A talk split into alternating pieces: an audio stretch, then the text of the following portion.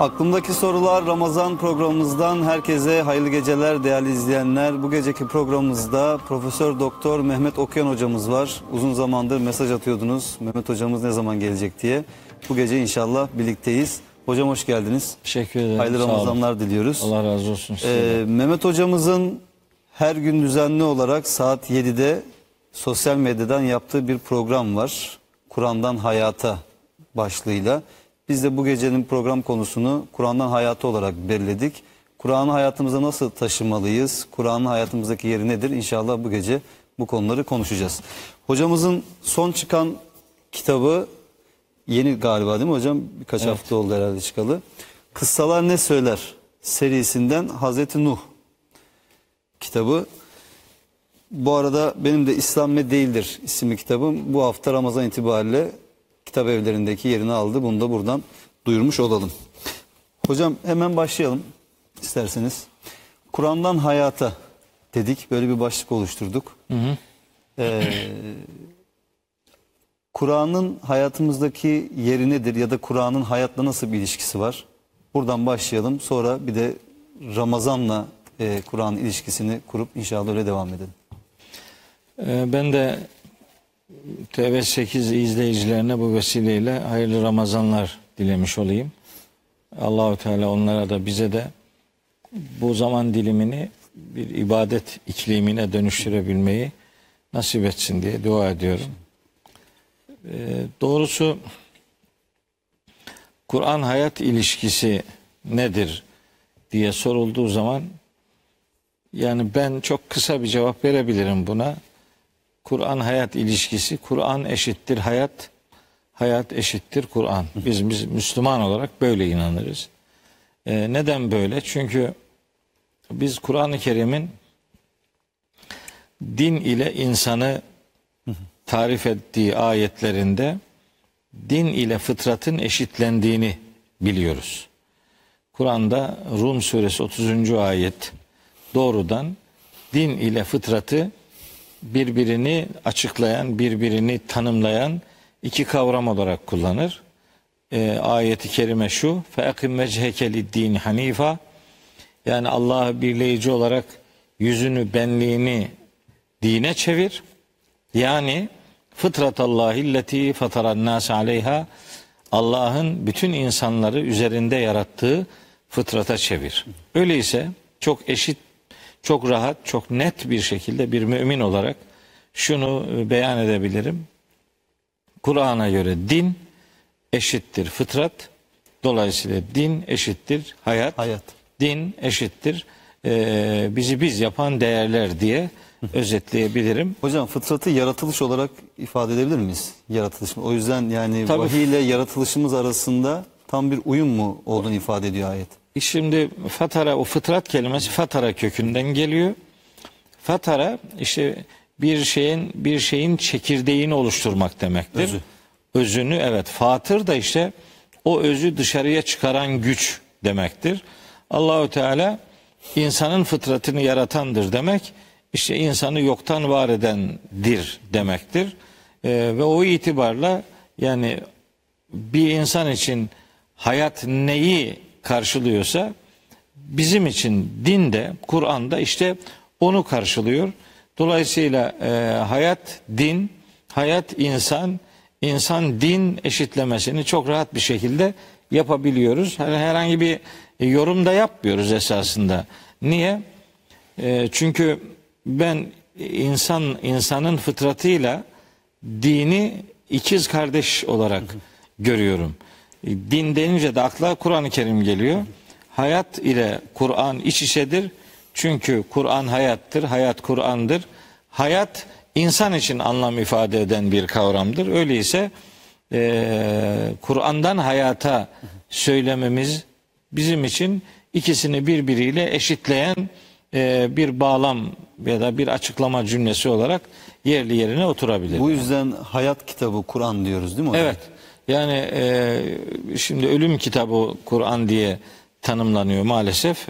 Ölüm zamanında insanların aklına geliyor filan ama el enteresan Kur'an-ı Kerim'in çeşitli isimleri var. Kur'an-ı Kerim'de sayılan bir takım isimleri var. İşte mesela Kur'an, Furkan, kitap gibi böyle zikir, zikra, mev'iza, beyan, yani. beyin, beyine filan gibi ifadeleri var. İşte bir adı da Kur'an-ı Kerim'in ruhtur. Ruh.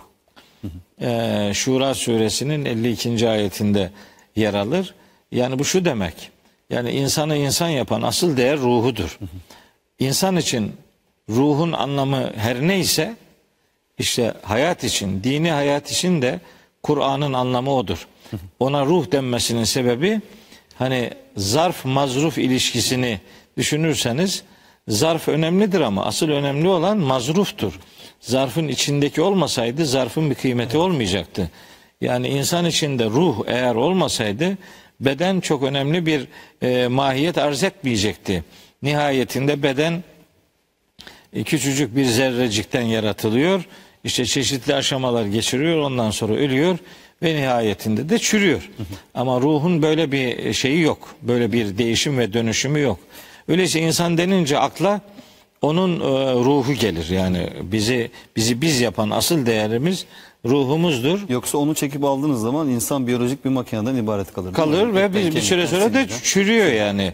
E, biyolojik maki- makine makineler gene dayanır da insan bedeni öldükten sonra ruh ondan çıktıktan sonra dayanmak da dayanmıyor. Hiç de bir işe yaramıyor Yine yani. hocam Kur'an-ı Kerim'de Allah ve Resulü size hayat verecek olan şey sizi çağırdığı Evet. zaman ifadesi yer alıyor. Tabi işte Enfal suresinin 24. ayetidir o.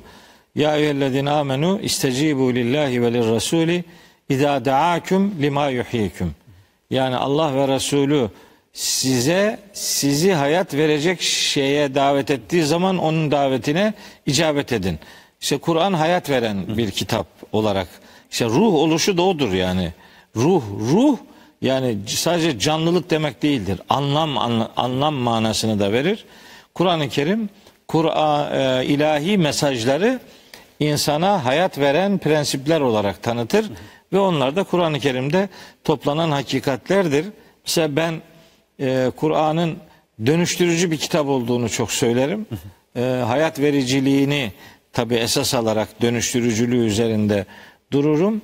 E, Kur'an son derece aktif bir e, kitaptır. Böyle pasivize e, işlerden pek hoşlaşmaz.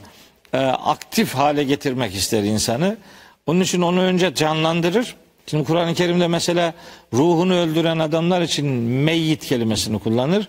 Onun diriltilmesi manasında ahya kelimesini kullanır. Aynı yani canlıdır adam ama eğer Kur'an'dan yoksunsa Kur'an ona meyyit diyor yani. Onun canlandırılmasını aslında canlı adam ama ruhunun canlandırılması yani bilinçli hale getirilmesine dair fiil ahya fiilidir. Yani kurumuş çatlamış toprağın yağmurla buluşması gibi diyebilir miyiz hocam? Diyebiliriz. İnsanın vahiyle buluşması. Tabi Yasin suresinin 33. ayetinde aslında onu söylüyor. E, toprağın suyla canlandırılması her neyse hayatın Kur'an'la anlamlı hale getirilmesi de işte odur. Belki sırf bundan dolayıdır ki e, Yasin suresi 70. ayet Kur'an'ın misyonunu dirileri uyarmak diye belirler. Liyunzira men kâne hayyen. İşte hayatta olanları e, uyarsın diyedir. Bu kitabın indirilişinin amacı budur. Bunu da Yasin suresinde geçiyor olması da e, bir ilginç değil mi hocam? Yani özellikle Yasin suresinin hani öğlen arkasına okunma sebebinden dolayı. E, Evet Orada da bir yani enteresan çok bir ironik var. bir, İronik bir durum e, durum var ama insanlar onu görmek ve anlamak istemezler. Hiç oradan yana da e, bir bakış geliştirmezler. Herhalde 21. ayeti miydi hocam sizden ücret istemeyenlere tabi olun diyordu. Yine O, Yasin o da suresi. Yasin suresinde. Şimdi bu milletin e, din adına konuşanlarının özellikle e, niye Kur'an'ın Ben sizi biraz manasıyla canlandırmaya çalışıyorum da hocam. Ramazan yorgunluğu üzerinde var biraz, üzerinizde var. Hayır, yok ben başka bir programdan geliyorum. Onun yorgunluğudur. Ramazan'ın yorgunluğu yok. Hani biz bugün bu üçüncü program. Elhamdülillah. Biz o internet üzerinden yaptığımız programı da yaptık. Sonra İftar başka bir yaptık, televizyona gittik. geldik. Sonra oradan buraya geldik. Yorgunluk o ama yok. Ben Kur'an'ı konuşurken öyle bir yorgun argın pozisyon ortaya koymam. Nihayetinde hani beni öyle tahrik etmeye mec- şey kendini mecbur hissetme ben hazırım yani. Neticede Zaten konuşurum Allah'ın izniyle. Dert değil. Kitabullah eğer konu buysa benim için akan sular durur yani. Hiç hiç e, e, yüksünmem. Şimdi bakın Kur'an dönüştürücü bir kitaptır diyorum. Hayat verici bir kitaptır. Vahiy ile buluşmak hayatla buluşmaktır. Kur'an öyle tarif eder. O kadar bunu bir cazip bir örnek üzerinden anlatır ki Hmm, e, Haşr suresinin 20 işte 19. 20 21. ayetinde Haşr suresinin orada Allahu Teala der ki biz bu Kur'an'ı bir dağın üzerine indirseydik e, o ayeti o ayetlerin Haşr suresi 22 23 24. ayetler akşam, ve Akşam namaz namazı, sabah sabah namazlarından sonra aşırı olarak okunur. Ben mesela o hafız kardeşlerimize veya bu hizmeti görenlere diyorum ki bak Haşr suresinin son 3 ayeti doğrudur. Allahu Teala'nın çeşitli isim ve sıfatlarını bize öğretir ama Kur'an'da böyle pasaj pasaj sunumlar vardır. Grup grup ayetler vardır. Yani onar ayetlik ile yüzde yüz on olması şart değil ama yani öyle görünür. Buradaki pasaj 18. ayetten itibaren başlıyor. Yani Haşr suresi 18'den sonrasını okuyun. 18, 19, 20, 21, 22, 23, 24. Bu ayetler bir konuyu anlatıyor. Onların hepsi hayatı kavratan, Kur'an'ın misyonunu öğreten ve nihayetinde hayatın da Kur'an'ın da mahşerin de sahibi olan Cenab-ı Hakk'ın çeşitli sıfatlarını bize aktaran bir pasajdır. İşte o pasajda 21. ayette e, isterim ki e, akşam ve sabah namazlarında o 18'den aşağıya okusun kardeşlerim ve tercümesini de okusunlar. İşte o tercümeyi okurken görecekler. 21. ayette diyor ki Allahu Teala Lev enzelna hadel Kur'ane ala cebelin. Biz bu Kur'an'ı bir dağın üzerine indirseydik Lera'eytehu sen dağı şöyle görürdün. Haşian boyun bükmüş, mütesaddian parçalanmış. Niye? Min haşyetillahi. Allah'a duyduğu derin saygıdan Saygıdan dolayı. Korkudan değil, saygı. derin. Yani muhatabın kudret e, büyüklüğünden dolayı meydana gelen saygıya haşyet derler. Onun için Fatır suresinde Allah'ın kulları içerisinde ona layıkıyla haşyet duyanlar alim kullarıdır derken yani haşyet esasında bilince dayalı saygı ve duyarlılıktır diyebiliriz. Şimdi orada diyor ki Allah'a duydukları derin saygıdan dolayı dağın e, boyun büktüğünü ve parçalandığını görürsün. Şimdi boyun bükmek, parçalanmak bir etkileşimin sonucudur. Boyun bükmek bir iradenin beyanıdır aslında. Evet daha cansız bir varlık, cansız bir kütle olması hasebiyle onun boyun bükmesi için önce canlanması lazım. Önce canlanacak, sonra bilinçlenecek, sonra da bir irade ortaya koyacak. İşte Kur'an'ın misyonu aslında dağı canlandırmak, onu irade sahibi kılmak, sonra da boyun bükmesini sağlamak diye ifade edilir. Eğer dağın üzerine Kur'an indirilseydi böyle olurdu.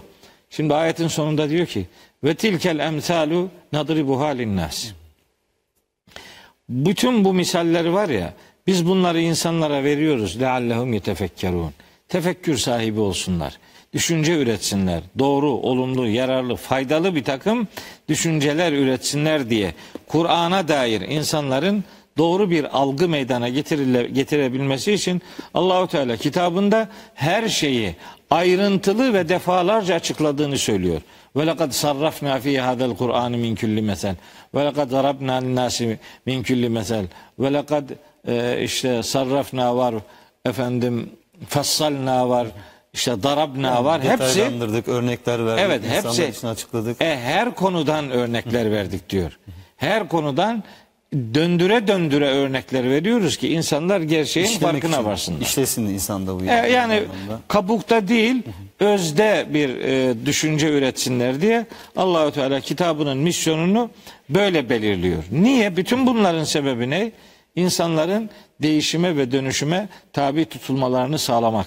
Şeyde diyor ki Ankebut suresinin hemen ikinci ayetinde Elif la mim Ehasiben nasu en yutrekû en yekûlû âmennâ ve hum la yuftenûn. Yani insanlar şöyle mi zannediyorlar? Sadece iman ettik diyecekler Başıboş ve hiçbir imtihana tabi tutulmadan başıboş bırakılacaklar. Böyle mi? Değil böyle. Demek ki insanların bir imtihanı var. Peki imtihanın konusu ne? İmtihanın konusu bu kitaptır. Sorular bu kitaptan çıkacak. Zuhruf suresi 44. ayet gayet açık.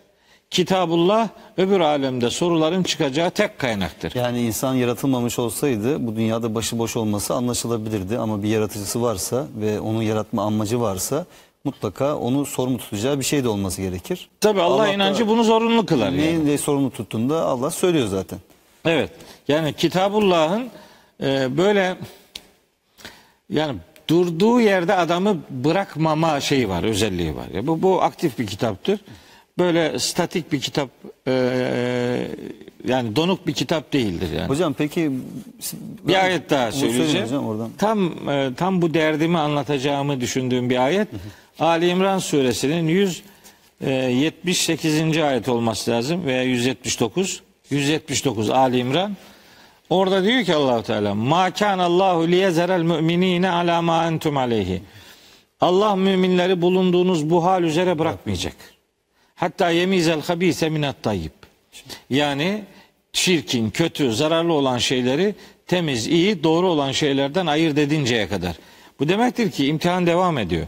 Yani zaten yaratılışın amacını Kur'an çeşitli ayetlerinde imtihan diye belirler. Yaratılışın başka amaçları da vardır ama Kur'an-ı Kerim'de yaygın olarak e, üzerinde durulan amaç imtihan olarak belirlenmiştir. Öyleyse bu kitabın indiriliş amacı insanları imtihana tabi tutmaktır. İmtihana tabi tutulacaksa neler imtihanın konusudur? İşte bu kitabın ele aldığı şeylerdir. Peki onlar nerede uygulanacak? Hayatta uygulanacak.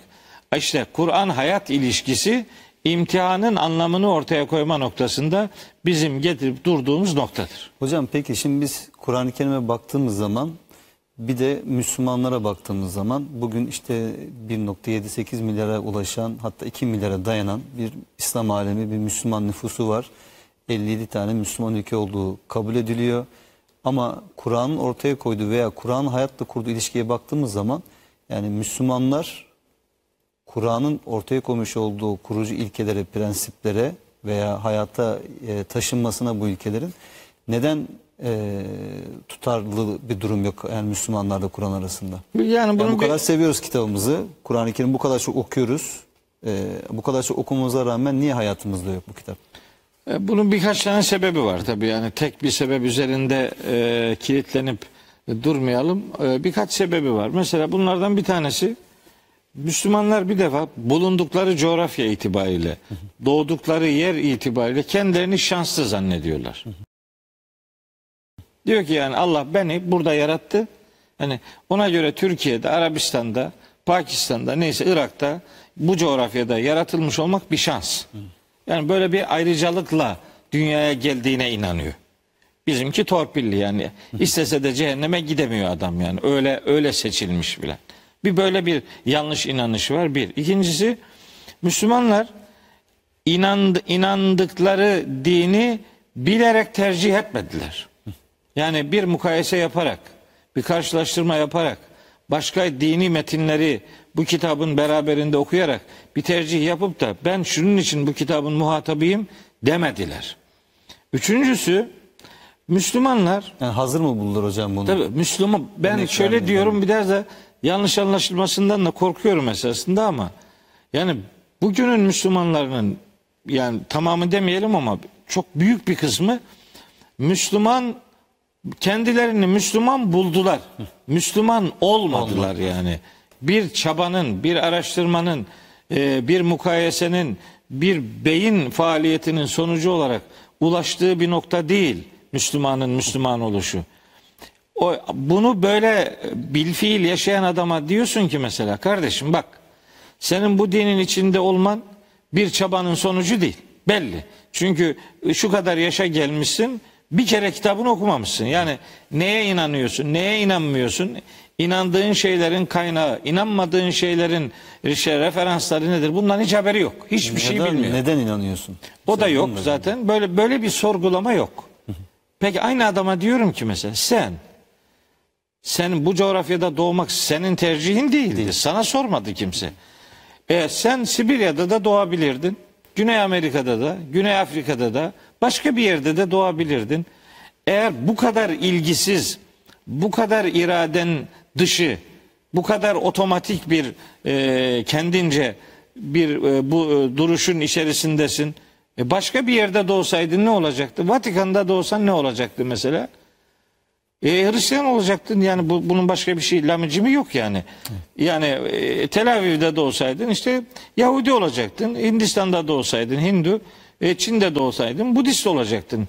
Bu böyle bir şey. E şimdi bizi biz yapan değer kendi inancımızı kendimiz tercih etmediysek eğer e bizim İslam coğrafyasının sayısının 1.8 milyar olması bu bu aynı zamanda bir bilincin sonucu olduğunu göstermiyor. Göstermiyor. Otomatik şey böyle, böyle geliyor bu iş. Hocam bir sokak e, röportajı var, anketi var. Böyle soruyorlar işte diyorlar ki "Ha- herhangi bir inanca sahip misiniz? Evet diyor. İşte hangi inanç diye soruyorlar. Müslümanım. Peki neden Müslümansınız diye soruyorlar. Çünkü annem babam Müslüman olduğu için Müslümanım diye cevap veriliyor ağırlıklı olarak. Evet, doğru Peki demiş. annen baban Budist olsaydı Budist mi olacaktın diye sorulduğu zaman da bir cevap veremiyor insanlar. Aslında tam da dediğiniz gibi O mahcubiyetle susuyor yani. Anne babası, ailesi, çevresi, yetiştiği yer orada yaygın olan inanç neyse insanlar o inancı benimsiyorlar ama neden o inancı benimsediğini veya gerektiğinde savunulabilir bir pozisyonda o inancı benimsemiyor. Yani İslam'ın işte bir Hinduizm'den, bir Budizm'den neden e, daha doğru olduğu veya insan yaratılışına uygun olduğunu sorsanız belki birçok kişi anlatamayacak. Hiç anlatamayacak. Ben mukayeseden söz ediyorum. Ben aslında mukayesede de değilim. Ya bir mukayese yapsa zaten e, diğerlerine göre bunun hakikat olduğu apaçık ortaya çıkacak da hani o bir ileri derecede bir iştir o iş. Ya başkasını mü- mukayese etme ya şu inanıyorsun ya buna. Ya bunda ne var acaba? Çünkü bu kitabın acayip uyarıları var. Mesela ne diyor biliyor musunuz? Diyor ki benim içimdeki ilkelerden bir tanesini inkar edersen tamamını inkar etmiş gibisin diyor. Nisa suresi 150 151. ayet bunu söylüyor. Bir kısmına inanıp bir kısmını inkar etmek tamamını inkar etle eş değerdir. Yani öyle kabul ediyor. Peki bir Müslüman hiç düşünmeyecek mi ki? Ya ben acaba din adına herhangi bir şeyi inkar ediyorsam yani böyle şey olmaz diyorsa bir adam ve o dediği şey de aslında Kur'an'ın bir ilkesi ise e bu adam kafir olduğunun farkına bile varmayacak. Yani ne kadar kötü bir durumda kendisini tanımladığı dinin e, asıl kaynağının neleri emrettiğini, neleri yasakladığını bilmiyor. E bunu söylediğin zaman kızıyor vatandaş. Şimdi sen ne demek istiyorsun? Ben mesela bazen soruyorum. Müslüman mısın? Müslümanım. Bu soruya kızıyor. Ben diyorum ki bir dakika bitmedi soru. Bir soru daha var. Ciddi misin? Cidden Müslüman mısın yani? Bir dur bakalım hadi şöyle bir dur. Bir kendine gel bakalım ne oluyor yani? Çünkü Müslüman olmak peşinen bazı şeyleri üstlenmek, peşinen bazı şeylerin karşısına dikilmeyi gerektiriyor. Hocam siz böyle. önce dediniz ya aslında kendini belki şanslı hissediyor bu coğrafyada doğduğu için. Halbuki çok büyük bir sorumluluk, yükümlülük altına giriyor. Tabii bu dinde şans ve şanssızlık yok ama illa şans ve şanssızlık üzerinden e, konuşulacaksa aslında şanssızdır bu adam. Çünkü bu kadar soruları büyük bir fazla. Nimetle, bu kadar büyük bir nimetle şereflenmesi onun sorumluluğunu arttırmıyor mu? Tabii elbette. Yani Elbette öyle diyor Allahu Teala. En'am suresi 19. ayette. Bu kitabın indiriliş gayesi ulaşabildiği herkese ulaşmasını sağlamaktır. Kim yapacak bunu? O gün peygamberimiz kime ulaşabildiyse ulaştı. Peki ya bugün biz? Bugün biz böyle Anadolu'da oturup da elin alemin adamını böyle rahat rahat buradan cehenneme gönderme lüksüne sahip değiliz. Öyle bir şey yok. Onun nereye gideceğine kararı Allahu Teala verecek. O karar bizim değil. Ama bize bir soru sorulacak. O şimdi buradan cehenneme gönderdiğin adama hakikati anlattı mı anlatmadın mı? Ona sözünle örnek oldun mu? Hayatınla örnek oldun mu olmadın mı? Bu soru gelecek. E bu sorunun cevabını veremeyince senin nereye gideceğin aşağı yukarı belli. Öbür adam nereye gidecek? Onunla çok uğraşmana lüzum yok. Yani bu topu taça atmaktan başka bir şey değil. İşte maalesef yani korkunç bir şekilde eee, neye inandığını bilememekten kaynaklanan bir arıza var ve bunun arıza olduğunun da henüz kimse farkında değil. Hocam hatta öyle insanlar var ki mesela bakıyorsunuz herhangi bir inanca da sahip değil. Ama yaşantısı, duruşu, e, ilkeli e, davranışları Kur'an'daki birçok ayetle örtüşüyor. Ama Müslümanım diyen bazı insanları da görüyorsunuz. Onlar da sanki kitapta bunlar yokmuş gibi bir hayat yaşayabiliyor. Böyle bir tutarsızlık olabiliyor. Tabii tabii yani Müslümanların en büyük problemlerinden bir tanesi de aslında budur. Yani inandıkları Allah yokmuş gibi hareket ediyor yani Allah'la beraber hayatı onun şahitliğinde yaşama erdemini yakalayamamış. Öyle bir soru sormuyor Ya vatandaşa. da ahirette hesap vereceğimiz gerçeğini unutarak bazen hareket ediyoruz. Yani bazen unutuyoruz, bazen de orada bizim yerimize başkalarının cevap verebileceğine inandırılmışız. Yani adam mesela şunu söylüyor. Yani bu Allah'ın huzurunda yargılama yapılırken işte soru sorulduğunda senin sorunun cevabını işte bizim filanca verecek diyor. Buna inanıyor adam. Evet. Yani bö- böyle inandırılmış bir adam bu kadar beleş bir din varken ortada şimdi bizim anlattıklarımıza niye itibar etsin? Bizimki zor. Peki hocam bir insan konuşurken Allah'ın kitabına dayandırması gerekmez mi iddiasını, tezini herhangi bir ayete? Peki o- bunu onun dinleyen insan da buldular. bunu dinleyen insan da bunu sorgulaması ve bu Allah'ın kitabında bir delile dayanıyor mu diye sorması gerekmez mi? Tabii gerekir de işte bak onu o din sunumunu yapan bunun hani minareyi çalan kılıfını hazırlar. Ee, o, o kabilden söyleyeyim. Bunu söyleyen diyor ki mesela bir sen anlamazsın diyor bak. Sen anlamazsın dedim mi? Ne yapacak şimdi bu adam? Gerisini Anlayan birine teslim olacak. zaten Tabii. sen, pasif- Onu zaten hayatın dışına etti, bitirdi hesabını. Ondan sonra da diyor ki yani sen bilemezsin, sen anlamazsın. Sonra da diyor ki bak bizden olursan bizim filanca seni kurtaracak diyor. E şimdi böyleyse eğer adam buna inandırıldıysa e niye bir daha uğraşsın bunlarla? Peki hocam E insanın, bayağı sıkıntı yani. Bu bizimki z- zor yani zor. insanın Adamınki üzerinden kolay. bu sorumluluk kalkar mı hocam bunu inanmasıyla? Yani mesela ahirette şöyle bir bahanesi olabilir mi? Falanca hoca bana böyle dedi. Ben de ona inandım, ona tabi oldum dese. Tabii. Yani bu üzerinden sorumluluk kalkar mı? Allah çünkü herkesi Tabii muhatap ka- alarak İşte, sorumlu tutacağını işte söylüyor. biz diyoruz ki bak diyoruz kardeşim bunlar sahibini kurtarmayacak. Gözünü seveyim. Adamın böyle dükkanı korum- korumak gayresi içerisinde bunları söylüyor. Bunların Kur'an'dan bir referansı yok. Bunlar yanlış şeyler. Bak yarın Allah'ın huzurunda bu sana bunu söyleyen adamlarla davalaşacaksın. Ben şimdi iki tane ayet okuyayım bakın. Bak bakalım orada ne olacak? Bu tiplerin karşılaşacağı şeyler. Aslında iki tane değil, bir sürü ayet var. Yani bir sürü ayet var ama belki en çarpıcı olanlarından bir iki tane hatırlatayım. Bakın diyor ki Allahu Teala, "Sümme yevmel kıyameti." Sonra kıyamet günü bu okuduğum ayet Ankebut suresi 25. ayet. Sonra kıyamet günü yekfuru ba'dukum bi ba'dın. Birbirinizi tanımazlıktan geleceksiniz. Birbirinizi inkar edeceksiniz. Ve yel'anu ba'dukum ba'da. Birbirinize lanet okuyacaksınız. Niye lanet okuyor? Sen beni saptırdın diyecek. O da diyecek ki sen zaten sapmak için Allah'tan arıyordun. Balıklama daldın. Yani iki tarafta birbirini suçlayacak. Hem de nasıl? Şimdi bu bu lanet birbirine lanet edecekler. Bu Ankebut suresi 25. ayette. Başka bir ayette diyor ki e, Ahzab suresinin 67-68. ayetlerinde ve kalu rabbena demiş olacaklar ki ey Rabbimiz inna ata'na saadetena ve küberaena ya Rabbi biz böyle efendilerimize, büyüklerimize itaat ettik. Fe adallûne sebîle. Onlar da bizi saptırdılar. Şimdi bunlar kafirler. Bu sözü kafirler söyleyecek. Yani mutlak anlamda inkarı tercih eden adamların sözleri. Fakat aynı sonucu meydana getirecekse senin adına Müslüman denmesi seni kurtarmaya yetmez. Eğer sen sorumluluğu böyle efendilere, büyüklere, şuna buna havale eder, onların her dediğine itibar edersen, onların her dediğini din diye satarsan, o zaman senin Rabbin o olur Allah korusun. İşte Tevbe suresi 31. ayet buna dikkat çekiyor. Rahiplerini, hahamlarını Allah'ın peşi sıra Rabler edindiler ayeti inince sahabiler soruyor ya nasıl oluyor bu? E onların helal dediğine helal, haram dediğine haram demediniz. Evet işte o onu Rab edinmektir diyor peygamber aleyhisselam. Hatta Ali İmran suresinin 64. ayetinde ey kitap ehli gelin sizinle bizim aramızdaki ortak şu noktaya gelin. İşte o noktaya Allah'tan başkasına kulluk yapmayalım.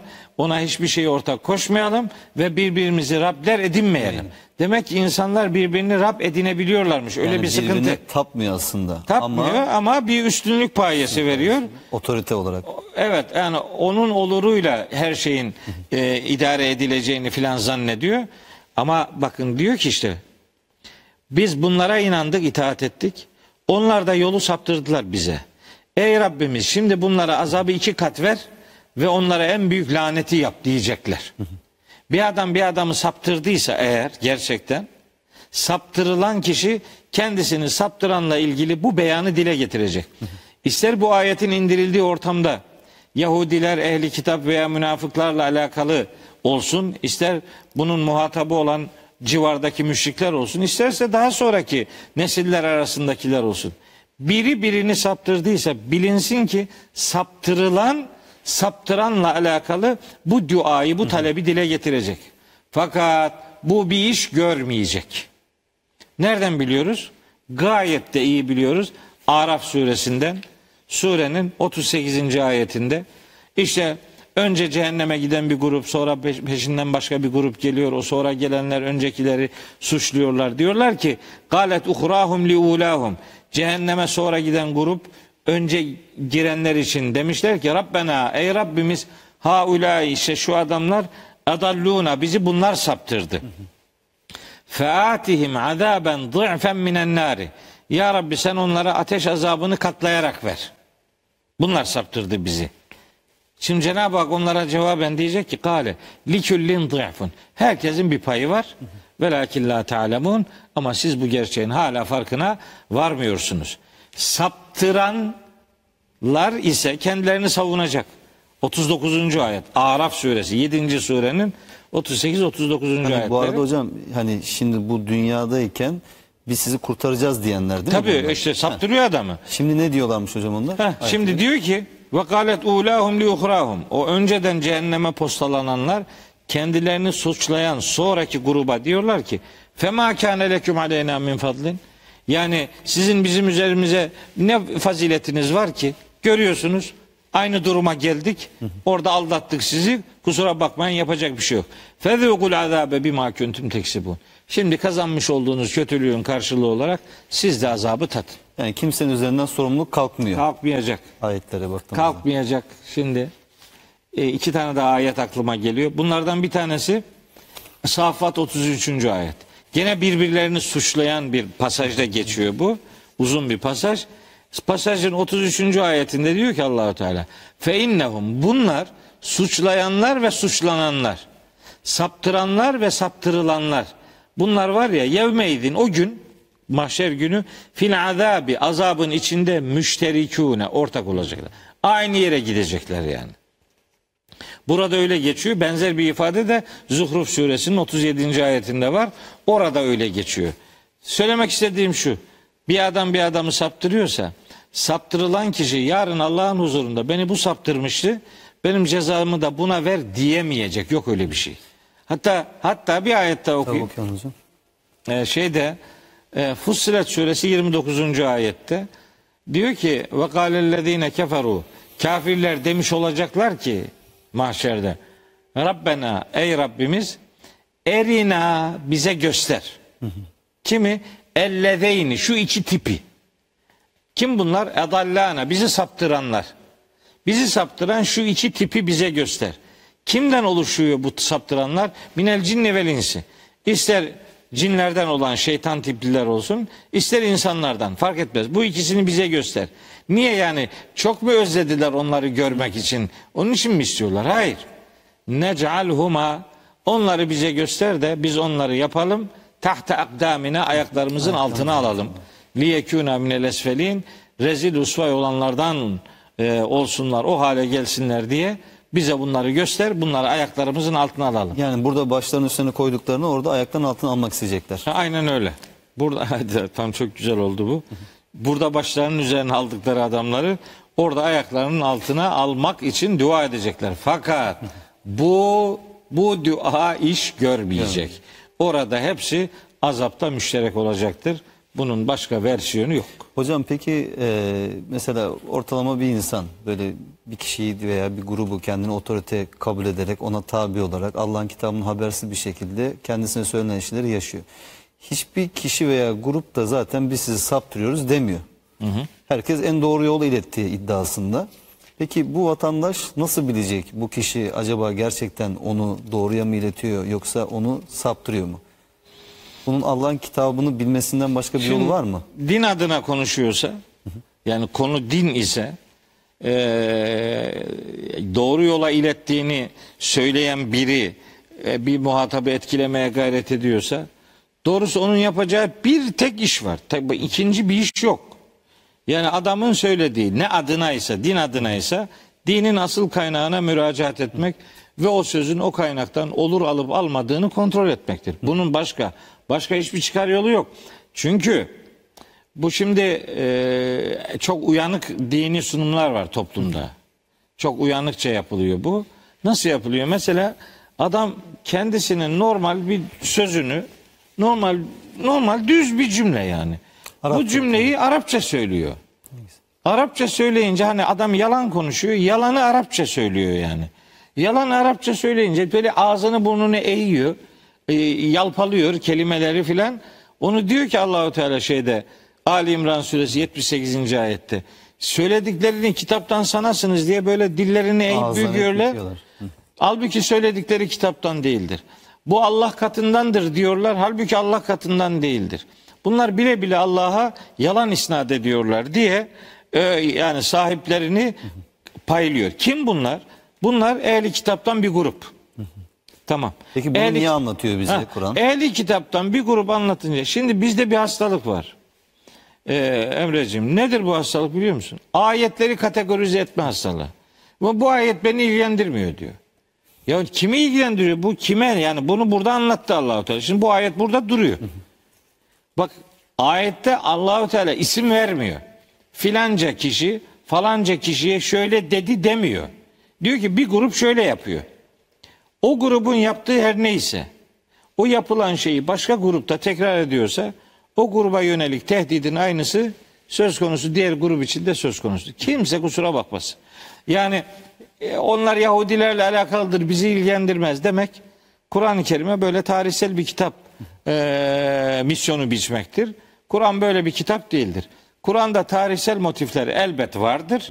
Ama Kur'an'ın mesajı her ayeti itibariyle evrenseldir. Ya doğrudan ya dolaylı olarak.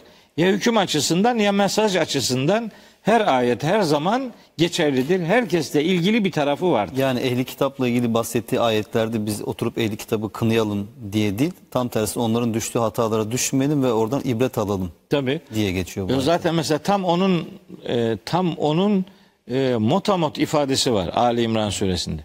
Ve la tekunu kellezine. Şu kimseler gibi olmayın. Olmayın. Ha, bitti. Tamam. İşte bunun mesele bu. Bunun anlatılmasının sebebi bu. Bu hikaye olsun diye falanca filanca adam deşifre olsun diye değil. Burada bir hata var. Bütün Kur'an'a hakim olan odur. Yani Kur'an'da bir Adem motifi vardır. Olumlu anlamda e, ucu cennete açılan bir yolculuğun sahibi olarak bir hakikat eri motifi vardır. Bir de sapıklık er- e, adamı olarak iblis motifi vardır. Bir insan rollerinin hangisini tercih edeceğine kendisi karar verecek. Kur'an onun için Adem izini süren damarı da iblis izini süren damarı da tanıtır. Onun için çeşitli tarihi süreçlerde yaşanan tecrübeleri ortaya koyar. O tecrübelerden kim hangisini tercih edeceğine kendisi karar verir. Yani cennetini de kendisi hazırlar, cehennemini de kendisi hazırlar. Burada Allahu Teala'nın ezelde belirlediği bir takdiri, bir kaderi yok. Kaderi insanın kaderi iradesidir. İradenle neyi tercih ediyorsan senin kaderin odur. Allahu Teala bir senaryo yazmıştır, hayat senaryosu. Doğrudur ama rolleri dağıtmamıştır. Rolleri tanıtmıştır. Tanıtılan rollerden hangisini tercih ediyorsan sonucuna katlanacaksın demektir.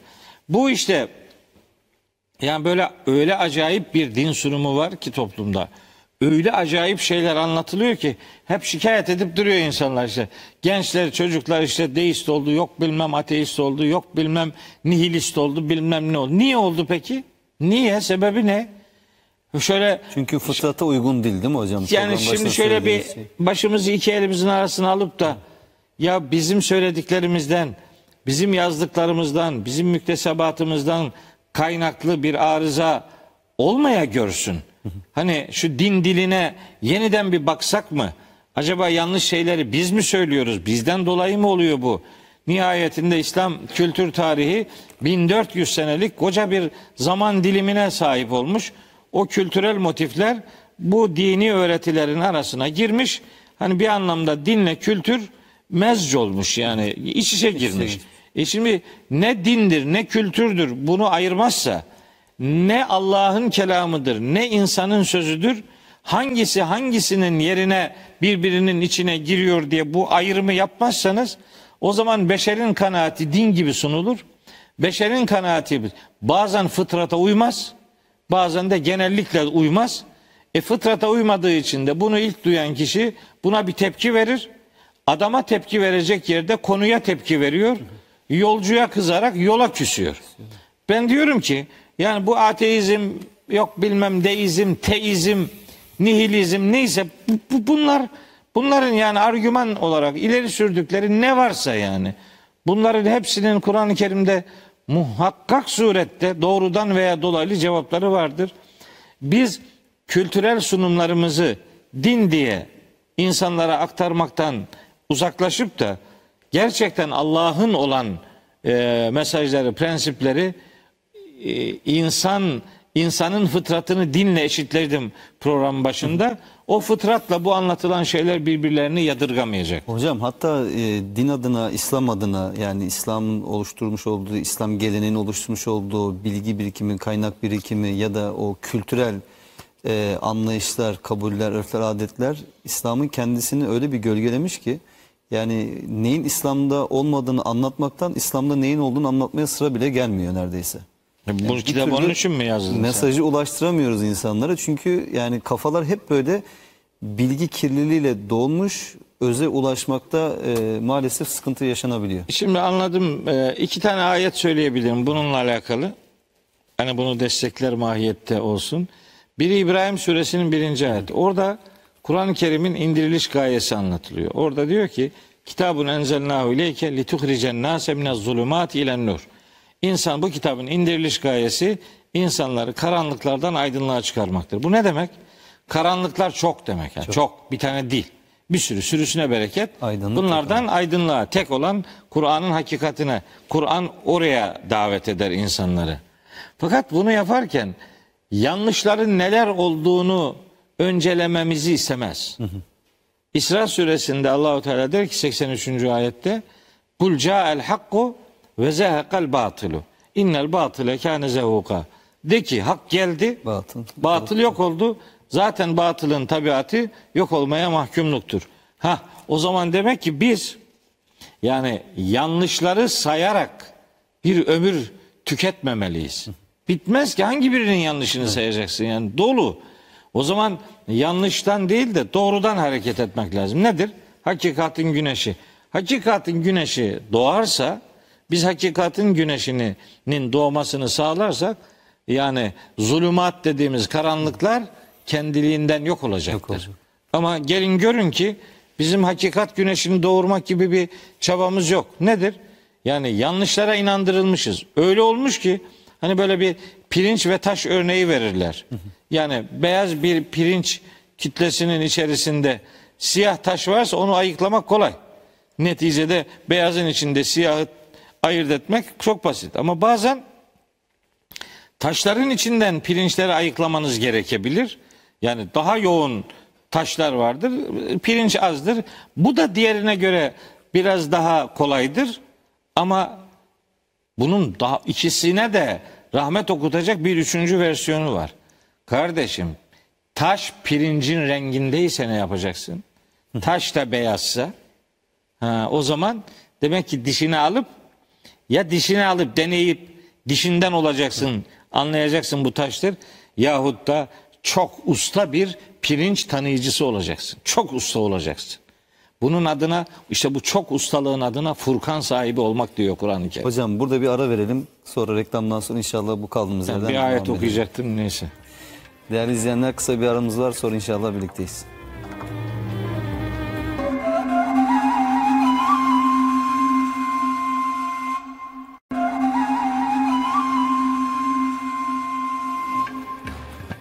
Aklımdaki sorular Ramazan programımızda Profesör Doktor Mehmet Okuyan hocamızla kaldığımız yerden devam ediyoruz. Hocam pirinç örneğini veriyordunuz. Tam bir ayet okuyacaktınız. Şimdi inşallah o ayeti alalım oradan devam edelim. Ee, bir kopukluk olmasın diye şeyi hatırlatayım. Hani dini olanla dini olmayanı ayırt etmek için bazen pirincin içinden siyah taşı ayıklarsınız.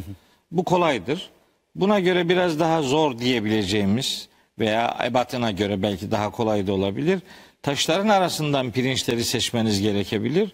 Ama bu ikisinden çok daha zoru var. Eğer taş pirincin rengindeyse bunu ayıklamak çok zordur. Bizimki bu şimdi. Niye? Şimdi din diye kabul ettiğimiz Kur'an Arapça ona üretilen, katılan e, kültürel motifler onlar da Arapça. Şimdi eğer ikisi de Arapça. Bunu nasıl anlayacak bu adam? Eğer çok iyi bir e, vukufiyeti varsa yani ne ayettir ne ayet değildir. Hatta hangi konuda ne kadar ayet var, ne kadar açılımları var. Bunları bilirse bir adam, onun için o taşları ayıklamak beyaz da olsa o taş, onları ayıklamak imkansız değildir.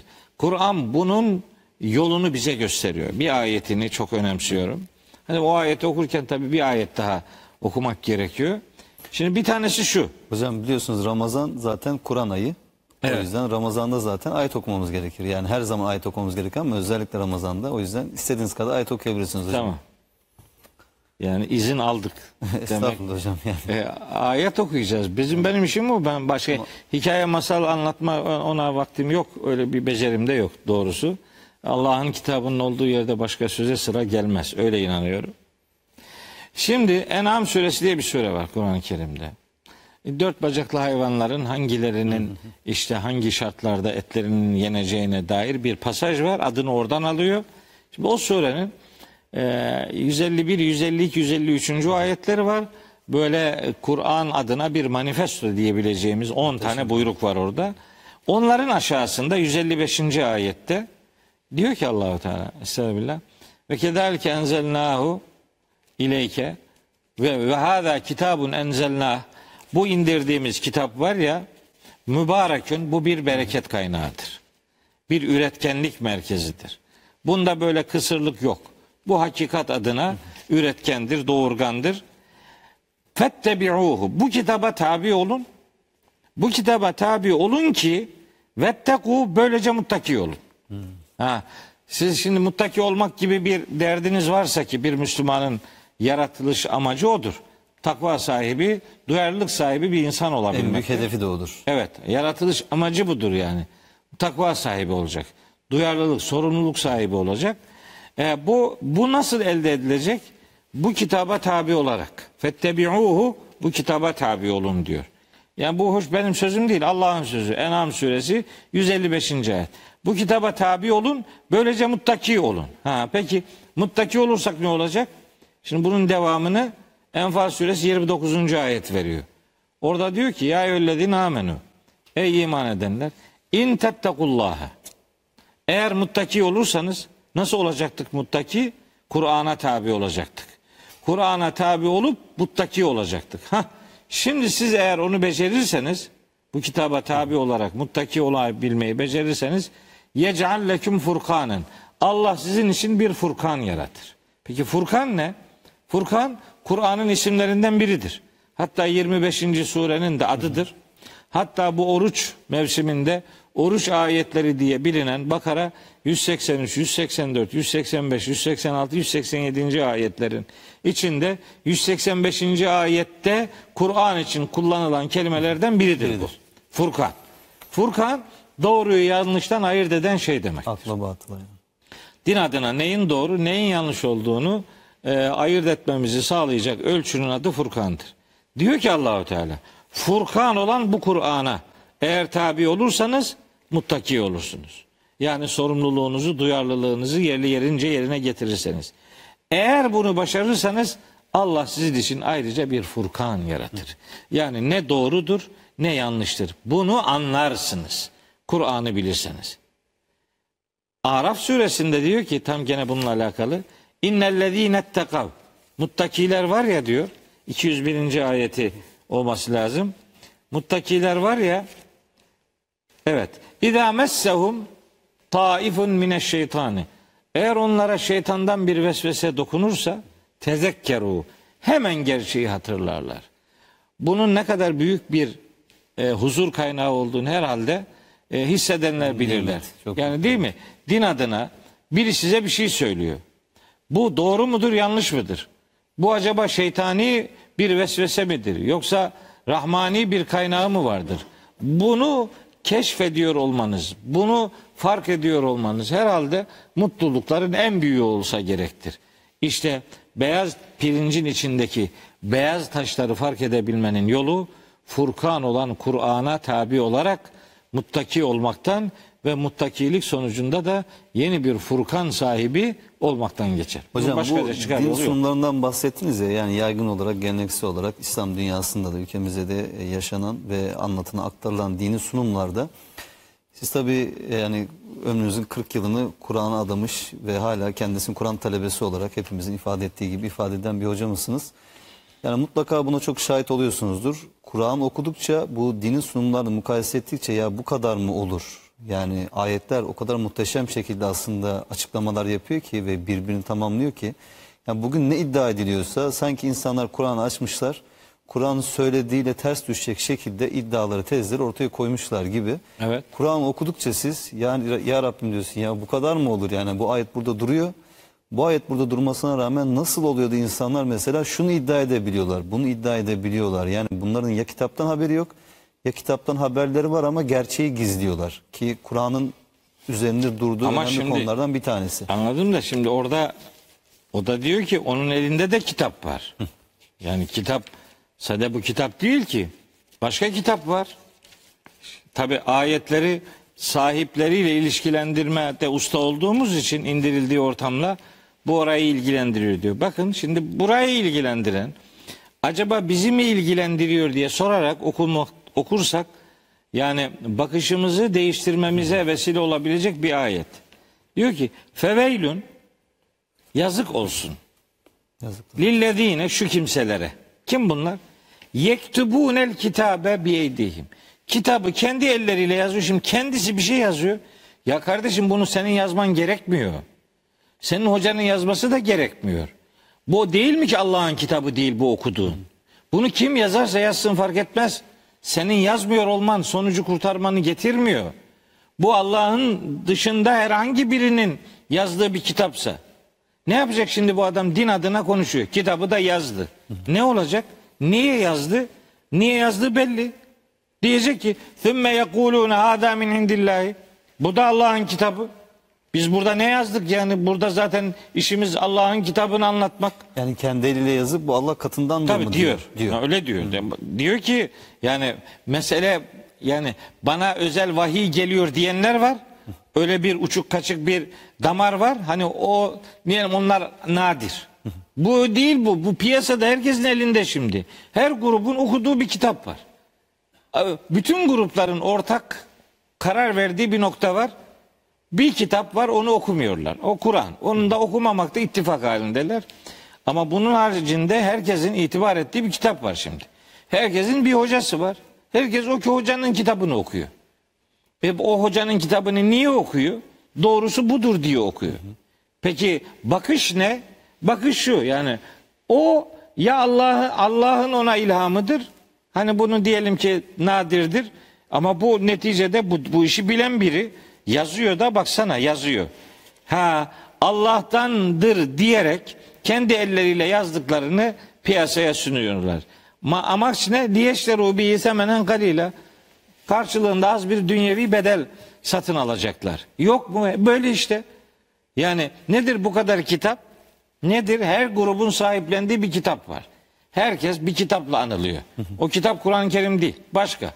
İlmihal mi? Her grubun okuduğu ayrı bir ilmihal var. İslam tarihi mi? Ya İslam tarihi dediğin nedir yani? İslam yani yaşanan bir tarih değil mi bu?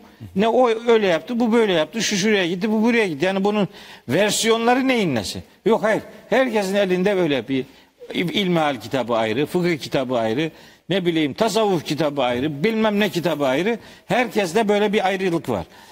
Başın işin başındakiler bu Allah'ın kitabı değildir kardeşim. Bu bizim anladığımızdır. Mutlak doğru değildir dese o zaman takımı tutamayacak. Takımı tutabilmek için yaptığı dini sunuma mutlak Allah'ın katındandır diye. Hele ki o dini anlatırken bir de Arapça söylüyorsa zaten tamam. E, e, peki o aldanışların sonu ne olacak? Yani bu kitap bu kitabı Bir, bir ayette var. Allah'ın kitabını ellerinin arkasına attılar diyor. Fenebezuhu vera zuhurihim. Sırtlarının arkasına attılar.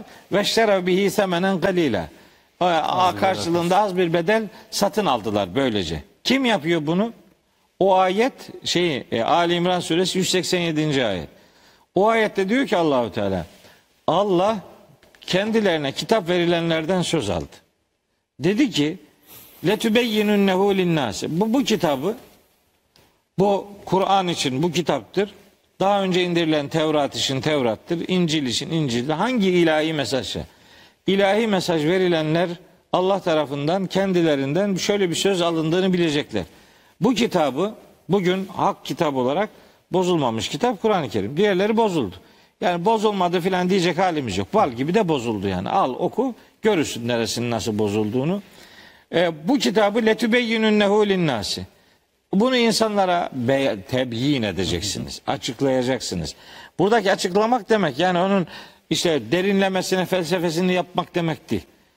Yani duyuracaksınız Gerçeği bunu. söyleyeceksiniz. Beyanını yapacaksınız yani. Bir beyanda bulunacaksınız. Bunun bu beyan anlamına geldiğini bize öğreten bir sonraki kelimedir. Ve la tektumunehu. Onu gizlemeyeceksiniz diyor. Hah, gizlemenin zıddı nedir? Açıklamaktır.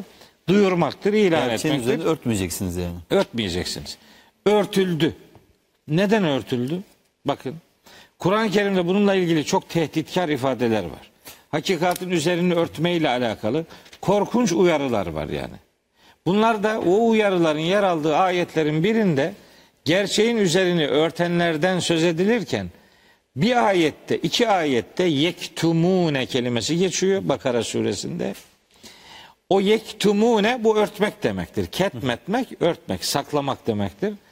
Ee, bir o, o iki kelime geçiyor. Bakara 159 ile 174'te. Bir de Bakara 161'de keferu kelimesi geçiyor. İnnellezine keferu ve matu ve hum küffarun. Kafirler olarak ölenler. Küfürde ileri gidenler ve kafirler olarak ölenler. Şimdi buna tercümesine bakıyor adam. Tercümesinde yazıyor ki inkar edenler. Adam da diyor ki ben inkar, İnkar etmiyorum. etmiyorum. Dolayısıyla bu beni ilgilendirmiyor. Halbuki bağlama bakarsa o ayet 161. ayet. 159'dan itibaren bütün bu bağlamı göz ardı edip okuduğunuz zaman hakikati göremeyebilirsiniz. Onun için bağlama dikkat ederek okursanız bakacaksınız ki ha gerçekleri gizleyenler demek bu. Ve o gerçekleri gizler halde ölenler işte onlara şöyle şöyle şöyle tehditkar ifadeler var. Peki Yani bu insan bir insan hocam mesela Allah'a inanmasına, ahirete inanmasına rağmen gerçeği niye gizler? Yani ya işte ayetin ifade ettiği gibi az bir bedel karşılığı o gerçeği satmak için, üzerini örtmek için ya da çoğunluğu karşısına almamak için. Değil mi? Yani insanlar Bunu tarafından söylüyor. itibar görmek için, benimsenmek için. Tabii. Yani gerçek niye gizlenir hocam? Bu Yani işte bu hepsi ister maddi menfaat olsun, ister taraftar kalabalıklığı temini olsun, Makam mevki ister makam mevki olsun, aklınıza ne geliyorsa. Herkesin o noktada beklentisi farklı olabilir. Ama Allahu Teala onların hepsini bir ifadenin içerisine topluyor. Diyor ki Allah'ın bu kitaptan indirdiği gerçekleri gizleyenler onun karşılığında az bir bedel satın alanlar. Bu bakın her ne bekliyorsa bir adam, her ne özlüyorsa, her neyi hesap ederek böyle hareket ediyorsa bilsin ki o Allahu Teala onu az bir bedel diye tarif ediyor. Az bir bedele onu satıyor. Ne olacak? Makamsa makam elde etti. Para ise para. Efendim gösterişse gösteriş. Makamsa makam. Neyse yani. Bu ayetleri gizlemenin karşılığında kim ne elde ettiyse onun dünyevi olarak karşılığı ulaike ma yekulune fi butunihim illen nar. Onlar aslında menfaat diye bekledikleri şey Karınlarına ateş doldurdukları ateştir, başka da bir şey değildir. Burada böyledir. Öbür alemde de Allah onlara konuşmayacaktır. Allah onları arındırmayacaktır ve elem verici azap onları beklemektedir. Hocam az önce dediğiniz gibi o dini sunum yapan kişiler, gruplar herkes en doğrunun kendisi olduğu iddiasında. Kurtuluşun yine kendilerinden geçtiği iddiasındalar. Ve o kişilere tabi olan, onların etrafında kümelenen kişiler de buna inanıyorlar ve buna teslim oluyorlar. Ama bu sunumları yapan insanlar mesela şunu hiç söylemiyorlar. Yani kendilerine çağırıyorlar insanları ama yani bakın biz bunu söylüyoruz ama siz bunu Allah'ın kitabına başvurarak bir test edin, bir kontrol edin. Biz yanılıyor olabiliriz ya da en doğrusunu Allah bilir demiyorlar. Herkes haşa sanki Kur'an kendilerine vahyedilmişçesine, peygambercesine konuşup böyle büyük iddialarda, e, büyük sloganlar atarak böyle kitleleri coşturabiliyorlar. Ama yani bir insan nasıl Allah'tan korkmaz, nasıl ahiretten korkmaz? Yani e, Onların ahiret- nasıl böyle bir e, durumda yani Kur'an ne diyor bu konuda bu tarz tipler Bak için? ben size söyleyeyim ya bu kolay bunun cevabı. Yani bunu nasıl söylüyorlar diye böyle normal bir akıl kolayına e, çözemiyor bunu değil mi? Söylememesi lazım. Yani bu kadar Yani insan açık alet, kalıyor. ayetlere rağmen nasıl böyle der diyorsunuz ama cık, hayır onun beslendiği kodlarda bunların cevapları var. Ne var mesela? Adam diyor ki bak bir tane salat selam getirirsen bir, bir, bir defa. Sana cennette şu kadar huri var diyor. Bir, bir defa. Mesela diyor ki bir Allah dostu diye bir, bir, bir şey üretiyor zihninde. Bu adam Allah'ın dostudur ki o herkesin takımında Allah'ın dostu farklı yani. O takımın dışında Allah'ın dostu aramıyor zaten. O öyle sanki Allah onlara torpil geçmiş belli adamlara. Bunun bir tanesine böyle bir dakika baktım mı bilmem kaç yüz sene ihlaslı ibadetten faziletlidir filan diyor. Efendim birinin adını birinin yüzünü görmem bile gerekmiyor. Yani adını bir vesileyle kullandıysan belki kullanamamış da olabilirsin. Bir Allah dostunun adının kullanıldığı yerde uzaktan bulunduysan, duyduysan, adamın adını duyduysan o seni cehenneme götürmüyor. O seni gelip kurtarıyor. Ya ben diyorum ki arkadaşlar ya bir an bunların doğru olduğunu varsayalım. Ha, diyelim ki doğru. Ya bu sahabiler niye Mekke'den Medine'ye hicret etti arkadaş ya? Bu niye me Bedir'i yaşadılar bunlar ya? Niye Uhud, niye Hendek, niye Huneyn gazveleri yaşandı? Ne gerek vardı? Yani bakamıyor muydu peygamberimizin yüzüne şöyle bir dakika, iki dakika, üç dakika? Neyse yani. Onun adını söyleyemiyor muydu? Böyle böyle bir beleş kurtuluş olabilir mi? Kur'an-ı Kerim peygamberlerin kendi birebir yakınlarını kurtaramadıklarını söylüyor. Daha ne desin? Hazreti İbrahim'in babasını, Hazreti Lut'un, Hazreti Nuh'un hanımlarını, Hazreti Nuh'un oğlunu, Hazreti Asiye'nin Firavun'u kurtaramadığını söylüyor. Bu ayet bu hoş bu. Yani pazarlık kaldırmaz. Hazreti Peygamber'in kızına yönelik çok net uyarısı var. Ya Fatıma Allah'tan nefsini satın almana bak yarın senden Allah huzurunda herhangi bir şeyi gideremem. Böyle bir uyarısı var. De diyor ben kendi sonumun ne olacağını O, o Ahkaf suresinin 9. ayetinde de bana da size de ne yapılacağını bilmem diyor. Bunlar apaçık gerçekler. Şimdi şeye niye diyor etrafındaki insanlara diyor bak siz okumayın diyor. Okursa ne olacak adam? Okursa okur diyor ki bak O anlatılanları okuma burada bulamayacak yani o zaman. Yok yok diyor ki meal okursan dinden çıkarsın diyor. Ya meal okursan niye dinden çıkıyor bu adam? Anlamadık gitti ya. Yani okumazsan dinden çıkarsın yani. Ne demek niye okumuyor adam? Hocam, yani bir de şu okursa mu? sorun çıkacak. Yani şurada okuduğumuz bir takım ayetler var. Bu ayetleri şimdi Ali İmran suresi 78. ayeti okuyunca demeyecek mi ki bak senin yaptığın buna benziyor. Öyle bir durumla karşılaşmama adına muhataplarını cehalete teşvik eden, işte o cehaletten nemalanan, onun üzerinden prim yapmaya gayret eden ve inandıkları ahirette Şimdi o da şöyle inanıyor yani bunu anlatan adam. Okuyor ya kitaplardan. Her okuduğu Arapça kitabı Kur'an zannediyor ya beyim. O o kitaplarda yazıyor işte. Diyor ki bizim bizim gruptansan zaten seni kurtarıyor biri. Dolayısıyla hatta şöyle diyenler duydum ya. yani diyor ki biz diyor Allah dostları var diyor. Biz onlardan böyle söz aldık. Nasıl, nasıl söz alıyorsa işte bizi götürmeden cennete gitmeyecek adam. Ya şuna bak ya. Hocam peki şu soru akla gelmiyor mu? Yani bu kadar her dediğiniz gibi grubun geçmişten günümüze kadar her dönemde böyle Allah dostu olduğu iddia edilen kutuplar, gavslar falan bu klasik kitaplarda geçen bazı kişiler var ve bu kişilerin hatta alem üzerine tasarruf hakkı yetkisi olduğu da e, kabul ediliyor, buna inanılıyor. Peki bir insan şu soruyu sormaz mı? Yani bakın İslam dünyası paramparça durumda. Yani Orta Doğu'da kan gölüne döndü Orta Doğu. İşte bugün işte Filistin'de yaşananlar ortada, Suriye'de, Libya'da, Yemen'de yaşananlar ortada, Irak'ta keza. Yani bu Allah dostları ne iş yapıyorlar? Yani bugün Müslümanların bu durumundan kurtulmalarıyla ilgili bir şey yapmayacaklarsa yani ahirette kurtarabilen bir adam bu dünyadakini daha kurtaramıyorsa ahirette nasıl kurtaracak? Bir insan eğer ki ahirette kurtarabiliyorsa bu dünyada hayli o zaman sorunları çözmesi ve bu Müslümanların bu durumundan onları kurtarması Ya beklenmez on- mi? Yani onlara aklını çalıştıran kimsenin itibar edeceği kanaatinde değil. Yani onu diyen de ona inanmıyor yani. Yani bu nasıl bu nasıl kurtarıcıdır ki mesela aha Filistin'de Evet. yani daha yeni işte dün evvelsi gün kan gövdeyi götürdü. 60 küsür insan hayatını kaybetti. 3000'e yakın yaralı var. Bir sürü insan bu bunların uçan kaçan adamları niye bir Filistin'e el atmıyorlar? Niye? Çünkü yok ki öyle bir şey ya. Ya bu yalan işte yani. Bunun bunun Kur'ani, dini bir referansı yok ki. Hayal üretmiş adam. Ürettiği hayale bak çok insanı inandırmış. Bir takım yalan e, şeyler, e, senaryolar üretmişler. Öyle hep kahraman galip gelen senaryolar. Onlardan üretmişler. Onlar da ona inanıyor herhalde. Şimdi Ve biz bu diyoruz ki dünyasının her yerinde var. Her yerinde hocam? var Yani tabii. Maalesef böyle bir durum. Biz de işte diyoruz ki bak arkadaş bunlar yanlış mı? Yanlış ama bunu kaç tane yanlış? Hangi birinin yanlışı? Bunları saymayla bitmez. İyisi mi? Biz bu yanlışları sayarak şey yapmayalım. Vakit öldürmeyelim. Biz biz Allah'ın kitabını okusun. O zaman hocam ben Yani şöyle bir başka bir şey yok Şöyle yani. bir soru sorayım Ramazan vesilesiyle de. Ee, peki Kur'an-ı Kerim nasıl bir insan ve nasıl bir toplum hedeflemektedir? Biz dediğiniz gibi biraz pozitif güzel şeylerden konuşalım.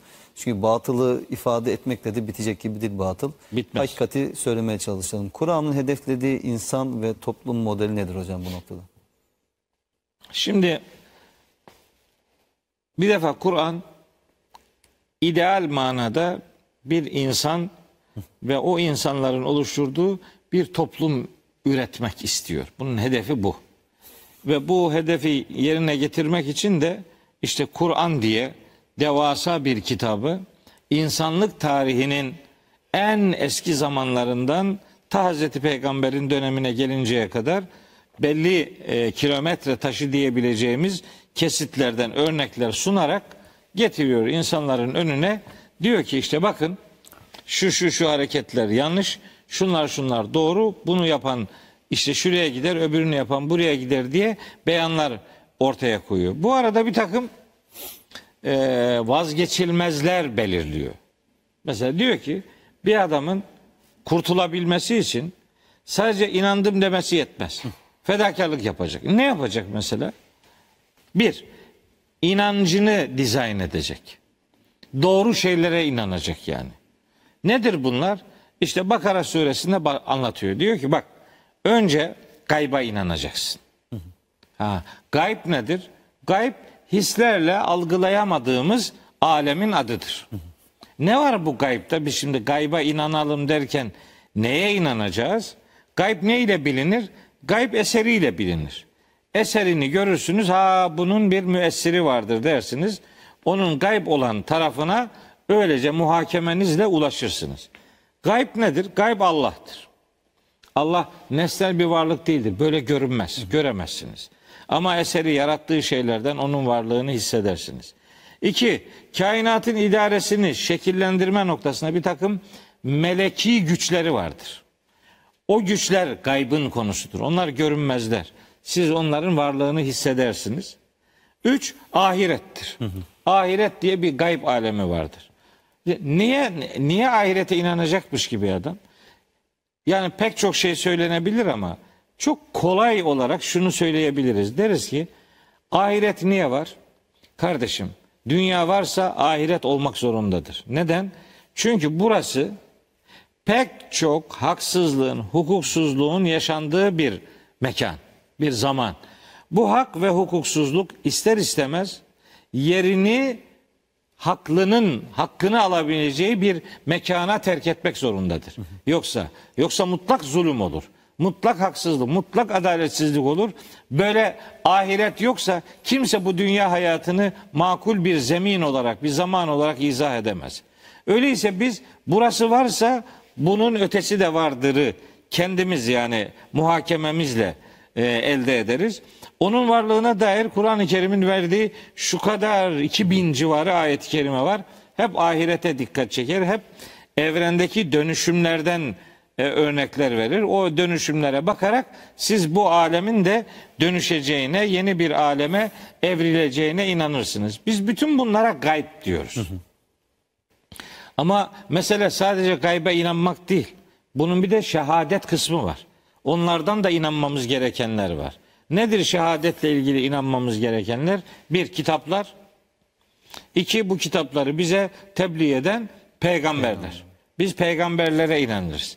Peygamberlerden şu an yaşayan olmadığı için bizim iman şartı diye bize belirlenen unsurlar içerisinde Kur'an dokunabildiğimiz, birebir iletişim halinde olabildiğimiz bir inanç esasıdır. Biz inancımızı önce inan inanılması gereken değerler noktasında Kur'an'dan şekillendiririz. Bize bu noktada kimse Kur'an'da olmayan şeyleri bunlara da bir iman esası olarak inanmalısınıza kimse bizi ikna edemez. Niye? Kur'an'ın ötesinde başka bir tarafa sırayı getirdiğiniz zaman herkesin müracaat ettiği başka kaynaklar var. Hiç Kur'an dışındaki diğer kaynaklarda ümmetin tamamının ittifak edebileceği bir resmi bir kaynak söz konusu değil.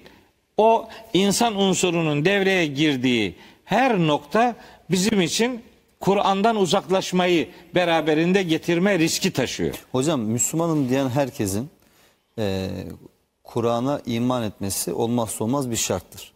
Bir Bu tanesi. mi? Şartlardan yani, bir tanesi. şey- yani bir tanesi bu. Evet. Peki o halde o zaman bu kadar farklı anlayışlar varken, bu kadar farklı kaynaklar varken bütün bu anlayışlar ve kaynakların merkezinde hakem olarak kılınması gereken ortak payda da Kur'an-ı Kerim değil midir?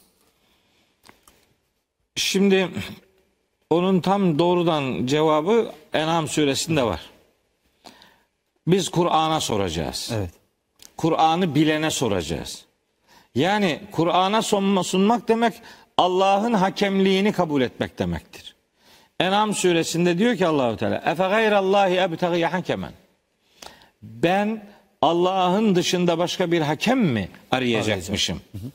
Bu En'am suresinde e, geçiyor. Ayet numarası da 110 civarı bir söyleyeyim ayet numarasını. 114. Ha Allah'ı hakem tayin etmek ne demektir? O ayette gene diyor ki ve huvellezî o öyle bir Allah'tır ki enzele ileykümül kitabe mufassala. Hah, O size ap açık hakikatleri ap açık ortaya koyan bu kitabı indirmiştir. Demek ki bizim Allahu Teala'yı hakem olarak kabul etmemizin bizi gelip götüreceği yer Kitabullah'tır. Allah'ın kitabıdır. Buna bakacağız. Hakemimiz Kur'an olacak. Şimdi şöyle ayet bir şöyle bir ayet daha var. Hani bir konuda konuşurken konuyla ilgili her ayeti bilmek lazım. Öyle bilmedin mi o zaman sıkıntı olur. Nisa suresi 65. ayet var. Ne diyor orada? Diyor ki fela ve rabbike Rabbine yemin olsun ki ötesi berisi yok.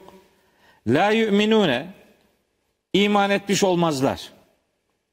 İman iddiasında bulunanlar iman etmiş olmazlar.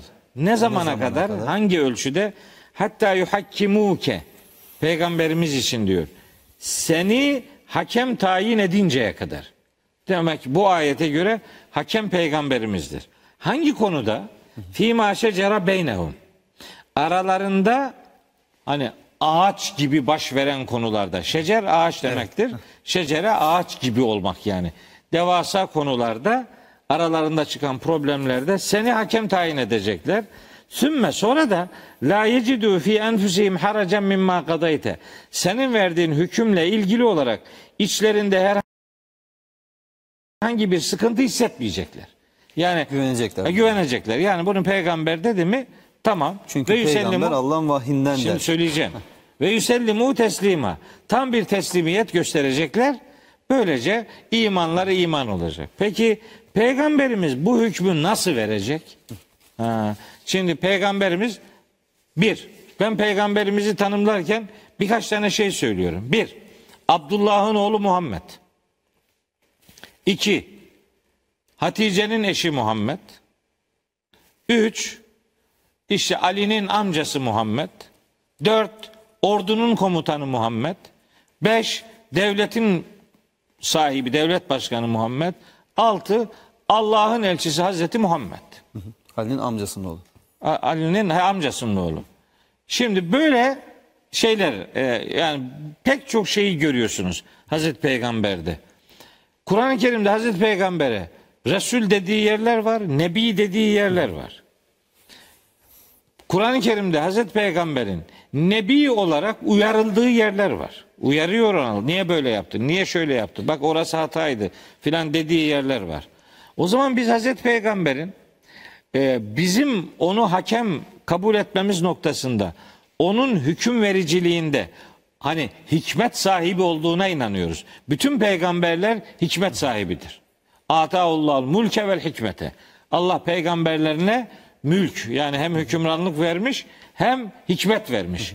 Muhakeme gücü vermiş. Peygamberlerde bu güç mutlaka vardır Bilgelik. bilgelik ama o hüküm hakim olan vahiden istifade ederek elde ettikleri bir muhakeme gücüdür. Bu muhakemeyi Allahu Teala onlara ikram etmiş. Peygamberimize de ikram etmiş elbette. Ha Nisa suresinin 105. ayetinde peygamberimizin hakemliğinin nasıl yerine getirileceği, peygamberimiz bu hakemliği nasıl uygulayacağı noktasında inşa edilmiştir. Nisa suresi 65. ayeti okuyup da 105. ayeti okumamak dürüstlük değil. 65. ayet 105. ayetle açıklanır. Yani Kur'an'ın kendi ki kendini tefsir etmesi böyle bir şey zaten. değil mi Evet. hocam? Zaten ayetlerin birbiriyle ilişkisini böyle kurmak lazım. Kur'an-ı Kerim bir meseleyi bir yerde anlatıp bitirmez. Kur'an serpiştirerek anlatır. Niye serpiştiriyor? Bir konuda Kur'an'ın ne dediğini öğrenmek istiyorsanız her konuda Kur'an'ın ne dediğini bilmeniz lazım. Bu da hocam zaten Kur'an'ın insan sözü olamayacağının büyük En büyük mucizelerinden bir delili, tanesi evet, değil mi? evet, en İnsan büyük yazsa delili. böyle yazar mı? Böyle yazamaz. Yazamaz. Yani biz makale yazsak böyle yazmayız. Bütün makaleler, kitapların girişi, gelişmesi, sonucu vardır. Kur'an-ı Kerim öyle bir kitap değildir. İşte diyor ki burada zaten tefsir denen şey budur. Yani tefsir denen şey ayetlere onlarda olmayan manaları yüklemek değildir. Tefsir böyle bir şey değil. Tefsir nedir? Hangi ayetin hangi ayetle açıklandığını ortaya koyabilmektir. Oradaki kelimelerden meydana gelebilecek işte anlam dünyasına vakıf olabilmektir. Allah'ın hangi ayeti hangi ayetle açıkladığını ortaya koyma faaliyetidir tefsir. Yani Başka bu bir anlamda şey değil. aslında Kur'an okuyucusunun işini kolaylaştırmaktır bir anlamda değil mi? Yani ayetler arasında iletişim, iletişim kurarak bağlantı. Dahasını kurarak. söyleyeyim. E, elbet odur ama dahasını söyleyeyim. Kur'an kendi bünyesi içerisinde kendisini açıkladığı için Kur'an bizi başkasının kulu olmaktan kurtarmıştır. Hud suresinin birinci ve ikinci ayeti böyle söyler. Gerekçeyi Allah belirliyor. Bu benim sözüm değil. Elif la amra kitabun uhkimet ayatuhu thumme fussilet min ledun hakimin habirin en la ta'budu illallah. Allah'tan başkasına kulluk yapmayasınız diye Allah'ın kitabının ayetleri hakim ve habir olan Allah tarafından Ve açıklanmıştır. aynı zamanda ahirette Allah'a karşı bahane olmasın diye. Yani eğer ki anlaşılmayacak bir kitap gönderseydi Allah. Ya, tabii öyle bir şey yok tabii ya. Yani onu nasıl söylüyorlar onu yani e, ben ciddiye bile almıyorum onu yani. Anlaşılmaz filan. E, anlaşılmazsa sorumlu değiliz o zaman. İşte peygamberimizin hakemliğiyle alakalı bu ayet çok önemli. Ee, nasıl hakem oluyor yani? Nasıl hüküm veriyor? Kendi kafasına göre mi hüküm veriyor yani? Yani Abdullah'ın oğlu Muhammed olarak mı? E, Hatice'nin eşi Muhammed olarak mı? Devlet başkanı Muhammed olarak mı? Ordu komutanı Muhammed olarak mı? Yoksa Allah'ın Resulü Hazreti Muhammed olarak mı cevap veriyor? Ha, onun cevabını veriyor Nisa 105. İnna enzelna ileykel kitabe bil hakkı. Biz sana bu kitabı bir amaç için indirdik. Hangi amaç? Bu kitabı indirdik. Litahküme beynen nasi. İnsanlar arasında hüküm vereceksin. Nasıl? Bima erakallahu. Allah'ın sana gösterdiği şekilde. İşte Allah'ın gösterdiği bu kitap. Bu kitapla insanlara hükme, hükmedeceksin. Bu itibarla Nisa suresi 105. ayetle En'am suresi 114. ayet Nisa suresi 65. ayetin tefsiri Hocam mahiyetinde. burada Maide suresinin o 50 51-52 o grup ayetleri de buraya ekleyebilir miyiz? Yani Yahudilerin Tevrat'la hükmetmesi, işte Ehli Kitabın, İnci- e, Hristiyanların İncil'le hükmetmesi Evet. ve Peygamberimize de Kur'an'la hükmetmesini söylemesi. E tabi her peygambere ne, nihayetinde e, Maide suresinin kaçıncı ayetidir o? 40 küsürüncü ayeti. Vel yahkum ehlül incili bima enzelallahu fihi. Kaç? 47. ayet. Yani e, ehli İncil Allah'ın onda indirdikleriyle hükmetsinler. Kitap onun için indirilmiştir. Yani Hz. İsa başka bir şeyle hüküm vermedi insanlara. Ha, Tevrat Tevrat Hz. Musa'ya indirilen kitap diye tanıtılıyor. Öyle de değil. Hz. Musa'ya değil. Bütün İsrailoğullarına gönderilen kitabın hepsinin toplamının adı Tevrat'tır. Zaten Musa'ya Tevrat verdik demiyor Kur'an. Öyle bir ayet hiç yok. diyor El kitap şeyde, verdik, kitap Furkan verdik, levhalar verdik diyor. Tevrat ifadesi İsrailoğullarıyla ilişkilendirilen her peygambere kitabın verilmesinin sebebi o kitapla insanlara hüküm vermesidir. Nihayetinde ben öyle diyorum ki yani diyelim ki din adına münakaşa ediyoruz. Veya müzakere ediyoruz diyelim. Farklı düşünüyoruz. Farklı düşünüyoruz. Bir, bir tartışma var. Gayet bir şey. tabidir insan Ha, tamam. Şimdi bizi kime ayıracak? Bizi bizi yani veya bizi kim bir yerde buluşturacak? Yani bunu bir, birinin yapması lazım. Kim yapacak bunu? Bunu Allah'ın kitabı yapacak işte. Biz onun için Kur'an'a arz diye bir şeyden söz ediyoruz. Bu nihayetinde bir hadistir. Onu böyle uydurmadır falan diyenler varsa da varsın desin. Benim için son derece muteber bir rivayettir. Nedir o rivayette? Sen hadis ve rivayet ayrımına çok hassassın. Hadi ben rivayet diyeyim. Hocam şimdi yani yok siz e, onun için güldüm siz buna uydurma diyorlar dediniz de yani bu kadar uydurma hadis var onları kabul ediyorlar ama e, Abi, bu hadise uydurma diyorlar. Evet yani korkunç. Okuyacağınızı tahmin ettiğim için hadis hangi hadis Korkunç yani. Şimdi ben mesela düşünebiliyor musun? Manası şu. Ma ca'ekum anni fe'ariduhu ala kitabillahi. Size benden bir şey geldiği zaman onu Allah'ın kitabına sunun. Fema vafakahu. O söz benden geldiği iddia edilen o söz. Eğer bu kitaba uygunsa ene kultuhu. Onu ben demişimdir. Benimdir tamam. Ama ve ma halefehu. Eğer o söz Kur'an'a muhalifse ene lem ekulhu. Onu ben dememişimdir. Ya bunda ne var Allah aşkına ya? Yani hocam peygamberimiz bunu hiç söylememiş de olabilir ama eğer söyleyecekse mutlaka böyle bir şey Böyle söylemiştir. bunu yani. söylemiştir Yani yalnız. o iddia edilenleri değil de Tabii e, bunu söylemiştir. Niye? Çünkü yani Kur'an'da şöyle ayetler var. Bunun daha başka nasıl bir manası olabilir? Men yuti'ir rasule fakat ata Allah. Ne demek bu? Resul'e kim itaat ediyorsa Allah'a itaat etmiş olur. Ne demek bu? Resul kendiliğinden bir takım üretimlerde bulunuyor. Bir takım ilaveler veya bir takım çıkarmalar yapıyorsa ona Resul denir mi? Ona ortak denir. Öyle bir şey olur mu? Haşa ve kella. Resul elçi demektir. Elçi elçiliğini yaptığı makamın dediklerini kırpmadan, abartmadan olduğu gibi ilgililere, muhataplara ulaştıran kişi demektir. Risalet böyle bir kurumun adıdır. Bunu bu kurumu bu mahiyetten çıkartıp da yani Allah'ın ayeti mesela o kadar canım sıkılıyor ki düşünebiliyor musunuz arkadaş? Ya eyyühellezine amenü diye başlayan bir ayet. Ya eyyühellezine amenü diye başlıyor. İşte cuma ayeti. Ey iman edenler cuma günü işte Allah'ı zikretmeye çağrıldığınız zaman Allah'ın zikrine koşun. Diyor ki peygamberimiz dedi ki bu ayetteki herkes değil kasıt bu ayetteki maksat kadınlar ve çocuklar tutuklular e, köleler hariç, Hariç. erkeklerdir. Ya şimdi bu evrensel ayeti peygamberimiz daralttı öyle mi? Peki Kur'an niye oldu mu? Hayır şimdi bunu bu tebliğ oldu mu yani şimdi? Allahu Teala ey iman edenler şunu yapın diyor. Arada bu mesajı getiren diyor ki bak burada böyle yazıyor ama bunun bu şimdi bunun bir kısmı burada atlanmış. Haşa ve kella yani. Böyle bir şey demek yani ağzıma ağır geliyor ama böyle bir şey olur mu? Bu nasıl bir risalet yani? Risalet Allah'ın indirdiği her şeyi muhataplara iletme kurumudur. E, Maide suresi 67. ayette diyor ki Allah Onu okuyalım bir ara verelim hocam. ya eyyüher Resul ey Resul bellig ma unzile ileyke min rabbik Rabbinden sana ne indirildiyse her ne indirildiyse onu tebliğ et. Ve in lem tef'al bunu yapmazsan eğer fema bellagte risalete Allah'ın sana yüklediği risalet görevini yerine getirmemiş olursun. Vallahu ya'simuke minen nas. Hem bunu yaparken korkma. Allah seni insanların müdahalesinden koruyacaktır. Bitti. Değerli izleyenler kısa bir aramız daha var sonra birlikteyiz inşallah.